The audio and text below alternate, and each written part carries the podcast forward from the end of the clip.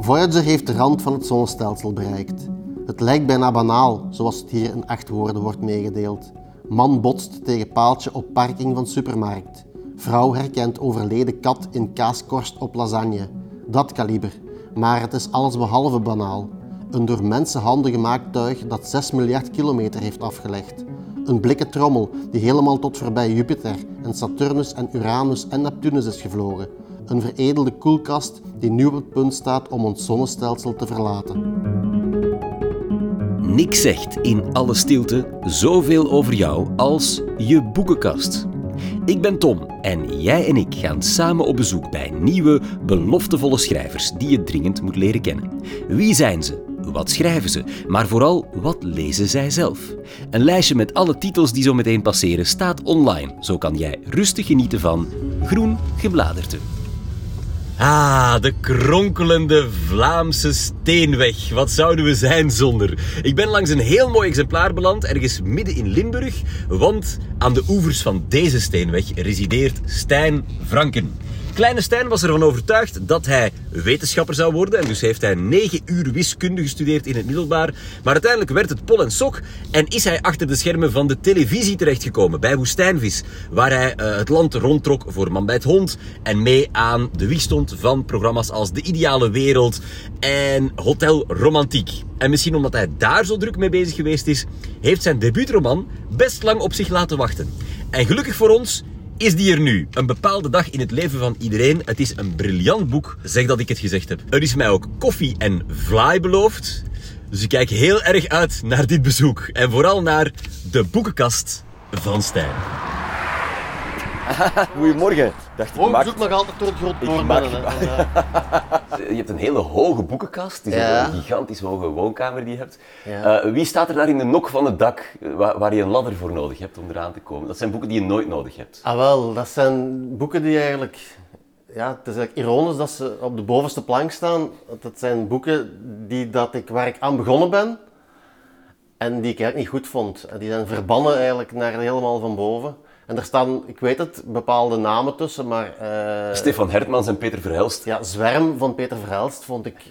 Ja, ik kan er niet aan doen. Dat is een boek... Ik vond het te, te moeilijk, of te, ik, misschien snapte ik het niet, of was het te, te veel. Ik vind nogthans, Peter Verhelst heb ik nog boeken van gelezen. En allee, vond ik een hele goede schrijver, of vind ik nog altijd een hele goede schrijver. De Kleurenvanger is nog altijd een van mijn favoriete boeken Ja. van hem. Eh, zo dat, die, die mix van... Maar, maar in Zwerm werkt het niet voor mij.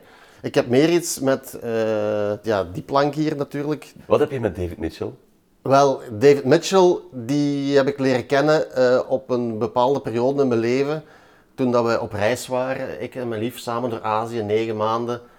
Niks moest, alle tijd van de wereld. eh, prachtige plekken, stranden, berghutjes, ergens in, in, in Myanmar langs een riviertje, noem maar op. En als je dan een boek leest, ja, dan, dan moet dat boek op zich dikwijls al nog maar heel weinig moeite doen om goed te zijn.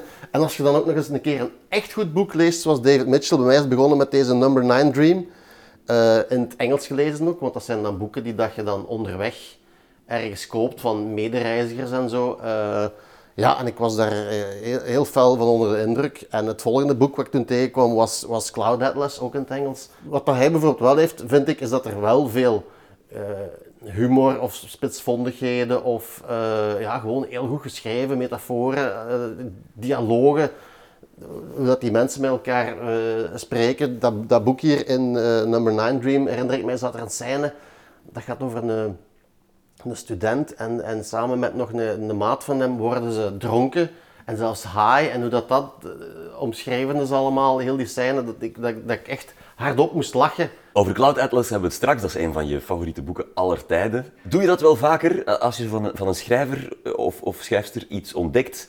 Van daar zo meteen de whole shebang van in huis te halen en er alles van te lezen? Heb je dat met nog iemand gedaan ooit? Met één iemand, niet alles, maar wel, daar heb ik wel bewust meteen een paar andere boeken van gekocht. Dat is met eh, Thomas Rosenboom. Oh ja, ja dat, is een, dat is een flink rijtje. Ja, Thomas Rosenboom, eh, ik vind dat eigenlijk, dat is een man die heeft twee keer de Libris Literatuurprijs gewonnen. En ik denk als, je, als het een vraag zou zijn in de slimste mens, wie is Thomas Rosenboom, ik denk dat er heel weinig antwoorden op, op, op zouden komen. Allee, ik heb toch het gevoel dat hij niet zo bekend is als dat hij zou mogen zijn, althans in Vlaanderen. Misschien is dat In, ja, of waarschijnlijk is dat in, in Nederland heel anders. Eh, maar gewassen vlees, ja, dat is een, een, een buitensporig boek, zou ik, het, zou ik het moeten noemen of zo. Daar zit zoveel in, omdat het verhaal speelt zich in de, in de 18e eeuw, ten tijde van eh, de Republiek was dat dan nog in, in Nederland, en, Ja. en de Oostenrijkse successieoorlog. En het is, ja, er zit ook weer superveel humor in. Thomas Rosenboom is een beetje de, de koning van de, de neergang. Bij, hem- bij hem gaan zijn personages altijd eh, vroeg of laat de, de dieperik in. En dat maakt het voor mij wel plezant, want een happy end is meestal voorspelbaar. Is van, nou ja, en op het einde komt alles goed. Dat is bij hem helemaal niet. Integendeel, zijn hoofdpersonages die, gaan, die duikelen altijd op hele domme wijze de put in. En geraken er niet meer uit. Bijvoorbeeld, gewassen vlees gaat over, eigenlijk over een zoon die dat in de gunst wil geraken terug bij zijn vader. En daar door al zijn eigen dommigheden niet in slaagt. Ja, het is ook lichtjes decadent, dit boek, met ook vreemd genoeg een nogal anale eh, inslag. Maar dat klinkt nu heel plat en, en, en onnozel, maar in dat boek, op een of andere manier, past dat zelfs bij dat boek en bij dat personage. En het eindigt ermee dat het hoofdpersonage, zijn eh, halfbroer, dat dan een kleine eh, aan drank verslaafde dwerg blijkt te zijn, voor zich neerduwt en hem langs achter penetreert, terwijl dat hij zijn slachtoffer wurgt in een kussen. Het, het, eh, de dwerg sterft en van uitputting valt het hoofdpersonage, Willem Augustijn heet hij, in slaap op zijn slachtoffer, waardoor dat ze hem zanderdags morgens vinden, terwijl het lijk al verstijfd is en hij er niet meer uit geraakt natuurlijk. En dus dat een, dat, ik vertel dat nu en dan klinkt dat, ik weet het zo heel, dat het klinkt bijna van boertig en plat. En dat is het helemaal niet. Het is gewoon heel grappig hoe dat Rosenboom dat verwoordt, hoe dat hij dat omschrijft. Is Thomas Rosenboom je favoriete Nederlandstalige schrijver? Absoluut. Ja. Eh, wie is dan een goede nummer twee? Wie lees je nog graag? Ik zou dan toch kiezen voor, het is nu weer een Nederlander natuurlijk, sorry Vlamingen, maar eh, ja, Tommy Wieringa vind ik ook... eh, het zijn eigenlijk drie verschillende, hier staan nu Joe Speedboat, dit zijn de namen, de Heilige Rita. Wat ik ook daar zo goed aan vind, is dat het eigenlijk drie totaal andere boeken zijn. Joe Speedboat is eerder ja, bijna kolderesk en, en, en slapstick dikwijls, en, en, maar heel grappig vind ik, vooral echt super funny. Fransje Hermans, die, is, eh, die heeft een accident gehad, die ligt in de coma, die is eh, helemaal Ja. verlamd, behalve zijn ene arm. En dan staat er daar ergens heel in het begin, dit is de situatie. Ik, Fransje Hermans, infunctionerende arm met 40 kilo lamvlees eraan. Ik heb er al wel eens beter voor gestaan.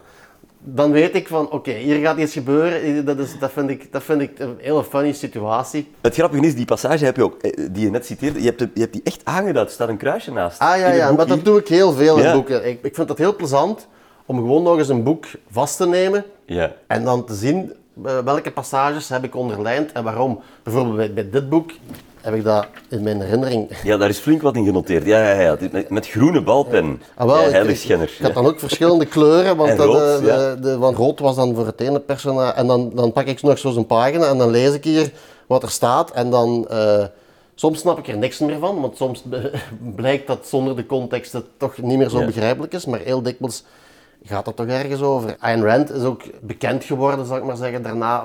Dat is bijna een soort van aanzet tot filosofie, van haar filosofie, dit boek.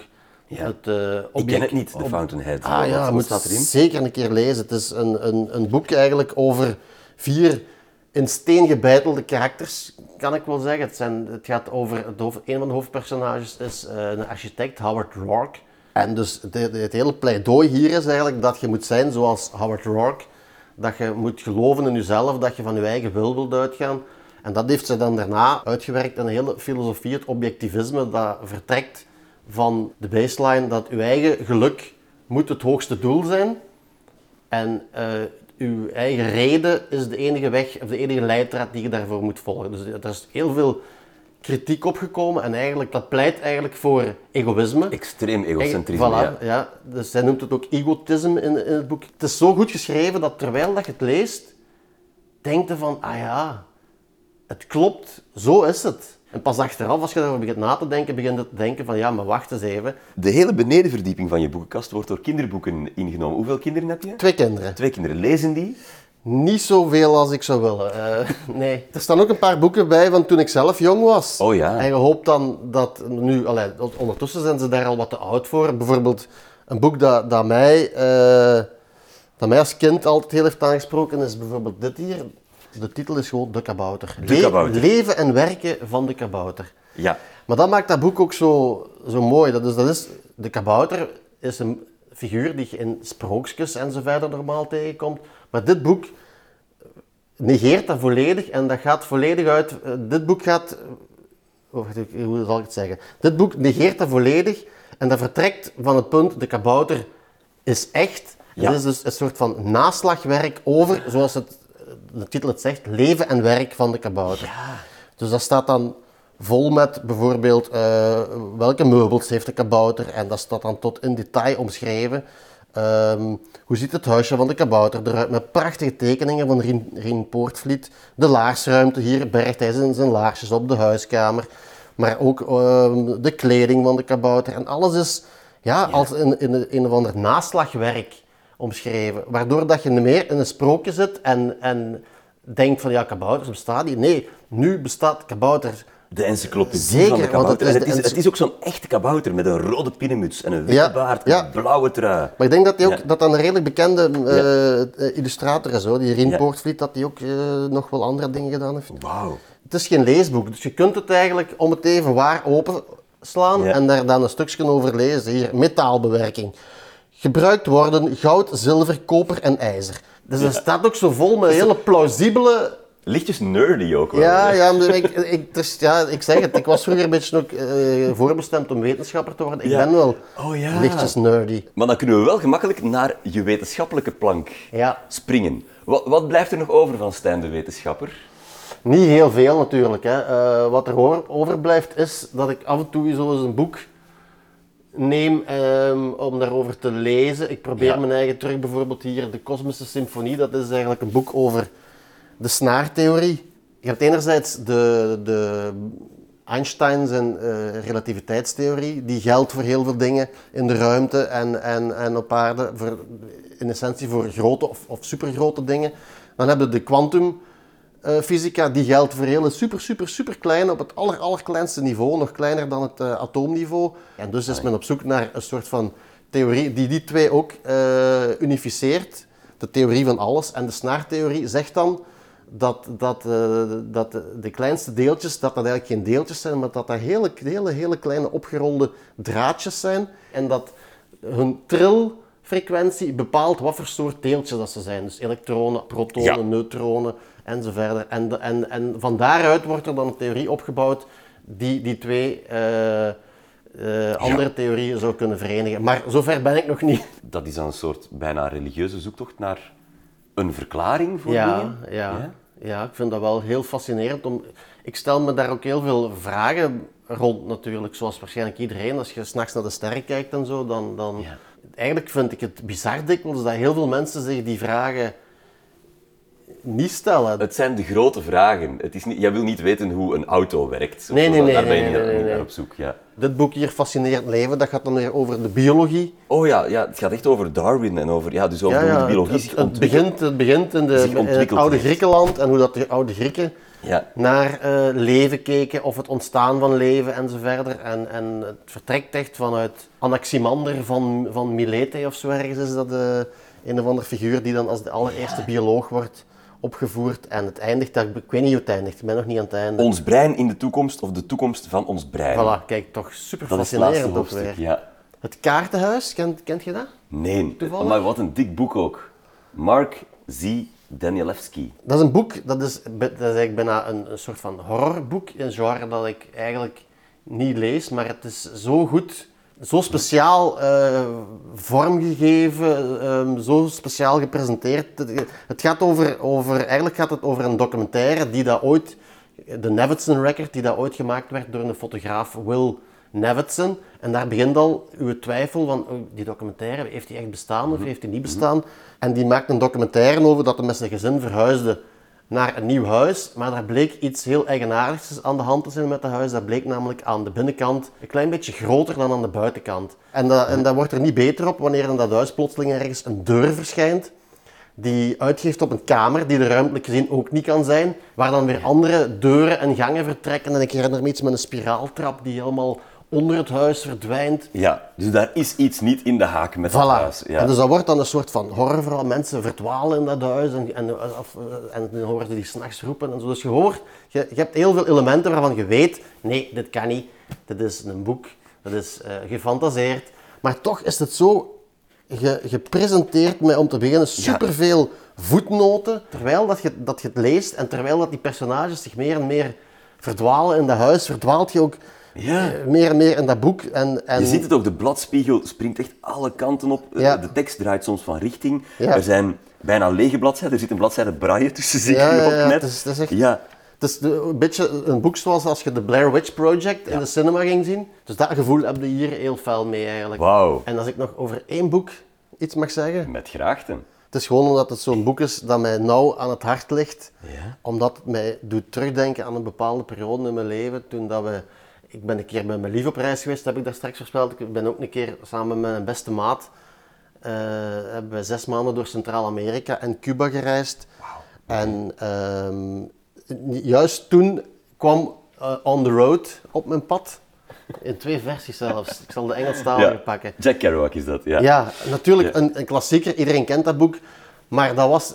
Zij, waren, zij reisden van de, naar de westkust in Amerika. Wij waren in Cuba naar de oostkust aan het reizen. En we zaten toen ook zo in dat gevoel van vrijheid en eh, ongebondenheid en eh, avontuur en, en, en onvoorspelbaarheid ook vooral. En eh, als je dit boek aan lezen bent, terwijl dat je in de, de, de lege achterbak van zo'n gi- gi- gigantische vrachtwagen door stoffige Cubaanse wegen, dan, ja, dan, dan voelde zo die, wow, die, die, die drang naar vrijheid en van we zijn dat hier nu ook aan het beleven. En, en, en ja, dus dat, eh, dat brengt mij ook helemaal terug, als ik dat boek nu vast heb, naar hoe dat, dat toen was. Zometeen nog het huiswerkboek dat ik van Stijn moest lezen, maar eerst zijn eigen debuutroman. Een bepaalde dag in het leven van iedereen. Daarin negen personages, negen verhalen, negen slices of life. Van een smerige Donald Trump en een wanhopig verliefde Anthony Kiedis tot een misnoegde arbeider van Perrier en zelfs een blik in het leven van Stijn zelf.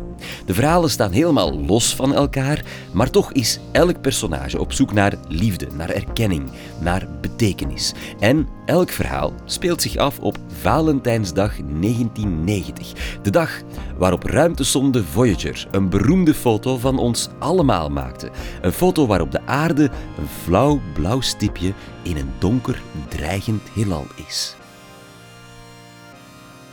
Ik heb voor de eerste keer over die foto vernomen, dat was toen ik naar de podcast aan het luisteren was, terwijl ik naar uh, Woestijnvis aan het was. En daar werd daar ook in heel mooi en poëtisch over gesproken, onder andere ook met, met eh, Anne de vrouw van Carl Sagan, die ook in het boek voorkomt. En ineens besefte ik van, ik wil ook weten eh, wat, wat er echt op die foto staat. Onmiddellijk op mijn werk heb ik dan die foto opgezocht en ben ik naar die foto beginnen te staren. Een paar minuten lang, letterlijk. Ondertussen mezelf proberen af te vragen, wat was ik?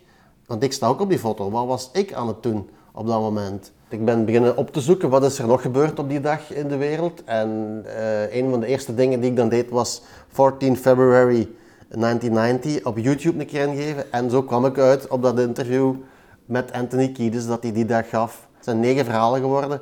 Ehm, acht van anderen en het negende was het verhaal over mezelf. Ehm, dus ik had er natuurlijk veel meer. Ik ben dan ook beginnen opzoeken eh, in kranten, oude kranten van die dag. Wat was, wat was er die dag het nieuws? Die personages beleven hun 14e februari, los van elkaar, maar toch echoen ze door in elkaars verhalen. Alles is van ver of dichtbij verbonden met elkaar. Iedereen moet beseffen dat, dat alle dingen die dat jij doet, uitdijnen en, en golven of rimpels ergens nalaten, ergens anders, wat dan weer een effect heeft op andere mensen. En vice versa. Of zoals jij het hier schrijft, een ontmoeting tussen twee vreemden op de luchthaven in je boek. Duizenden voorvallen uit het verleden hebben ervoor gezorgd dat hij en zij hier nu samen zitten, tegenover elkaar, aan tafeltje 7 en met elkaar communiceren. Niks is toeval en tegelijkertijd is alles een soort van toeval. Daar komt het op neer. En dus kunnen we maar beter gewoon bescheiden zijn. Ja, ja, dat klopt. Ja. Bescheiden zijn en lief zijn voor elkaar. Eigenlijk. Daar komt het een beetje op neer. Ja. Eh, en ik wou vooral ook op te beginnen fijne verhalen vertellen natuurlijk. eh, Zonder daar heel veel andere dingen aan te verbinden. Maar ja, het is wel een beetje het uitgangspunt van het boek geweest, die verbondenheid of zo.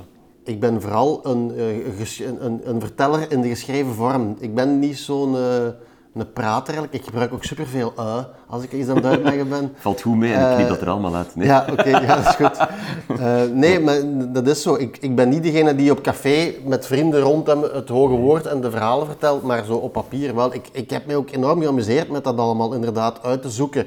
En veel details ook, want het televisietoestel op de hotelkamer van de arbeider uit je boek is niet zomaar een tv, maar een Philips 17 CE 1230. En het horloge dat Donald Trump draagt is een Rolex Oyster nog iets. En zo zit het hele boek doorspekt met allemaal ook ehm, de goodies van de jaren 90. Dat is eerder een soort van, weer misschien vergezochte manier om verhalen te linken aan elkaar. Namelijk, niemand uh, vraagt om dat uh, merknummer en al daarbij, om dat er toch bij te zetten. Zodanig dat je, als je dat inderdaad de tweede keer leest bij Trump, toch even weer denkt van, maar potverdikke, bij de televisie was dat ook. En, en, daar, en dat zorgt dan ook weer op dat niveau voor een bepaalde verbondenheid tussen die verhalen. In mijn hoofd natuurlijk. Hè. En je wordt als, als lezer eigenlijk bijna beloond van, hé, ik heb opgelet. Ja. Die ken ik nog. Ja, ja. Die, die Rolex Oyster nog iets, die, die heb ik daar straks nog gelezen. Perpetual. Dus je, je gamified het, het boek eigenlijk ook. Het is... Het is plezant om te lezen. En het is ook zo, dat was althans de bedoeling, het is ook niet erg als je daar niet mee hebt. Het zijn ook echo's uit jouw leven dus in het boek. Uit jouw reizen, absoluut, uit jouw eigen ervaringen. Ja, ja, absoluut. Mijn leven zit er ook uh, in vervlochten en uh, dat vond ik ook uh, belangrijk, omdat het ook, ja, het, het, eindigt met mijn verhaal. waar dat, als ik met, met, alle andere personages hen soms woorden in de mond leg of dingen laat doen die wel of niet waar zijn, vond ik dat, dat ik dat bij mezelf ook moest doen. Misschien ook omdat ik een beetje gemakzuchtig ben. Want dan moet je al niet uh, alles verzinnen. Hè. Je kunt al vertrekken van hetgeen dat er ligt en daar een heel web rondbreien. En dat ging me precies beter af dan dat je zo helemaal vanaf nul alles moet verzinnen. Dat lijkt mij eigenlijk nog moeilijker. Het vreemde was, ik wist dat ik een boek ging schrijven. Maar ik wist totaal niet welk boek. En ik was eigenlijk gelukkig bij Woestijnvis en ik deed mijn werk. En ineens kwam dat idee door naar die podcast te luisteren. En vanuit dat idee moest dat dit soort boek worden, waarin dat ik vertrek en van wat dingen die echt gebeurd zijn. En, maar dat is niet dat dat een soort van voorbestemd plan was. Ik ga zo'n boek schrijven en ik zoek dan een idee dat, dat daarbij past. Het is eerder andersom gegaan. Je bent vast bezig aan een volgend boek. Dit kan niet anders dan naar veel meer smaken. Vast niet. Ik heb eigenlijk sindsdien niks meer geschreven je hoort ook dikwijls van schrijvers van, je moet elke dag schrijven en een dag niet geschreven is een dag niet geleefd. En dat heb ik helemaal niet. Ik heb zoiets van, dit was klaar, ik ben nu eigenlijk aan het wachten tot er zich een nieuw onderwerp aandient. En intussen tijd schrijf ik eigenlijk bijna niks. Ik ben aan het werk terug bij Woestijners, waar we volle bak aan het werken zijn aan een nieuw programma. En uh, ik zou begot ook niet weten hoe ik die twee moet combineren. Maar ik heb wel een uh, vaag idee in mijn hoofd, maar het is nog precies wachten tot dat... Uh, de bron der inspiratie terug begint uh, te stromen. En tot zolang dat het geval is, uh, kijk ik nog even de kat uit de boom. Elk van mijn gasten mag mij één boek opleggen dat ik moet lezen voor ik op bezoek mag komen. Stijn koos voor de moderne klassieker uit 2004, getiteld Cloud Atlas van de Brit David Mitchell. Ook dat is een verzameling van in elkaar genestelde verhalen die samen vele eeuwen overspannen en als een wonderlijke 3D-puzzel in elkaar klikken.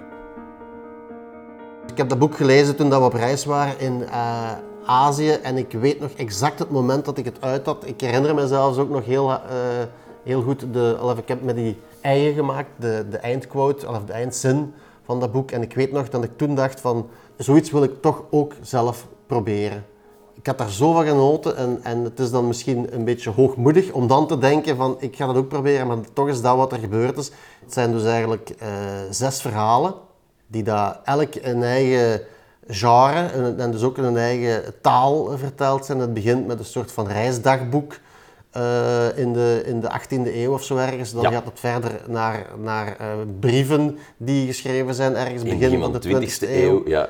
Uh, dan wordt het plotseling een thriller, dan wordt het een soort van bijna uh, slapstick, kolderesk verhaal over een uitgever die dat uh, tegen zijn eigen wil wordt opgesloten in een verzorgingstehuis. Eh, dan gaan we naar de science fiction verhaal, in, ergens in de nabije toekomst. Ehm, In een soort van interview ja. Ja, interviewvorm inderdaad, van- de onderzoeker, want zij heeft iets misdaan of zij heeft iets gedaan wat niet mocht. En eh, dan wordt het middenste verhaal verteld en daarna worden al die verhalen in omgekeerde volgorde terug hernomen vanaf waar dat ze zijn neergelegd. De vorm is een personage in dit boek. Mitchell kiest voor elke vertelling een andere vorm. Ja, Dat ja, breekt in in de vertelling. Heb jij dat ook zo ervaren? Ja, ja, ja, ja, absoluut. Dat is, wat het ook zo fijn maakte, is dat bijvoorbeeld in die brievenvertelling, dat dan zo van die kleinigheden erin sluipen, als dat de, de briefschrijver is wat een beetje een, een, een, ja, een, een bon vivant eh, en neemt het nogal gemakkelijk met het leven. En ook in zijn brieven kort Ja. hij dan bijvoorbeeld woorden af door alleen maar de eerste letter nog te schrijven met een punt erachter. Zo'n soort van Ja, te lui. wordt V. Ja, inderdaad. voilà. ja. En, en, en, en Jocast wordt J, maar ook... Ja. eh, enfin, en, Ja. Maar dat hij Ja. dus zelfs in zijn brieven die dat hij dan typt waarschijnlijk in die tijd nog, nog te lui is, bij manier van spreken, om, om, om het helemaal uit te tippen. Mitchell heeft zelf gezegd, van, eigenlijk zijn mijn personages re- reïncarnaties van Mhm, elkaar. Ze zijn echt diep verwant. Is dat deel van de fictie en van het magisch realisme of, of zit daar ook een, een grond van waarheid in? Ik geloof niet dat we reïncarneren in eh, andere mensen, oh, voor alle duidelijkheid. Maar er zit een grond van waarheid in, in die zin dat ik... Ik ben wel iemand die dat denkt dat, dat er eh, meer is dan dat wij kunnen weten. 90% van de, van de energie of de, of de, of de lege ruimte in, in de kosmos weten we niet wat het is. Dus gaat dat over zwarte, eh, eh, zwarte energie of over... Ja, ik weet, ik eh, Ja. ken er niet veel van, maar er is dus nog heel veel. Dark matter, ja. Ja, wat dat we niet weten. Ik geloof wel in dat wij niet alwetend zijn, ik zal het zo zeggen. Het, is, eh, het is helemaal geen, geen positief boek. Ehm, het, het is echt het beeld, inderdaad, de hele tijd van de jager en de prooi. Hè. En, en het is, de hoofdpersonages zijn dikwijls de prooi in dit geval en, en worden opgejaagd door wie dan ook, het systeem of door eh, andere mensen of, of eh, door rivaliserende stammen op het einde en zo. Ehm, maar ik denk ik dat, we, dat het niet een tijd is om een heel positief beeld op te hangen van hoe dat we ervoor staan eh, de laatste tijd. We leren maar niet bij als mens. Het is een heel, wat dat betreft, een, een, een eerder negatief of dus realistisch boek, maar het eindigt dan toch nog met die laatste zin, met die positieve noot. Want ik zeg het, ik heb de, de laatste zin, toen ik, toen ik het boek uit had, heb ik mijn eigen voorgenomen, ik ga die van buiten leren. En ik denk dat ik nog ongeveer weet van, en eh, only, and only as you gasp your uh, dying breath shall you understand that uh, your life amounted to no more than one drop in the limitless ocean, but uh, what is any ocean but a multitude of drops? Alles gaat naar de botten en we kunnen er toch niks aan doen, want wat, wat zijn wij nu als individuele mens? Wat betekenen wij nu? Maar het goede nieuws is, wij zijn allemaal individuele mensen en allemaal samen zijn we natuurlijk veel meer dan, dan, eh, dan alleen. Alle titels die in deze podcast de revue passeerden, kan je makkelijk online in een lijstje terugvinden. Deze reeks stelt nog een heleboel afleveringen, goed voor vele jaren leesplezier. En als we je geïnspireerd hebben, mag je ons altijd eerlijk reviewen of delen. Deze podcast is gemaakt met de steun van Sabam for Culture en de wonderlijke muziek is van Sander de Keren. Heel graag tot een volgende keer. Ik heb een kwartier tijd. Drinkt iemand koffie? Ik, heb ook een, ik ging een vlaai halen. Hè.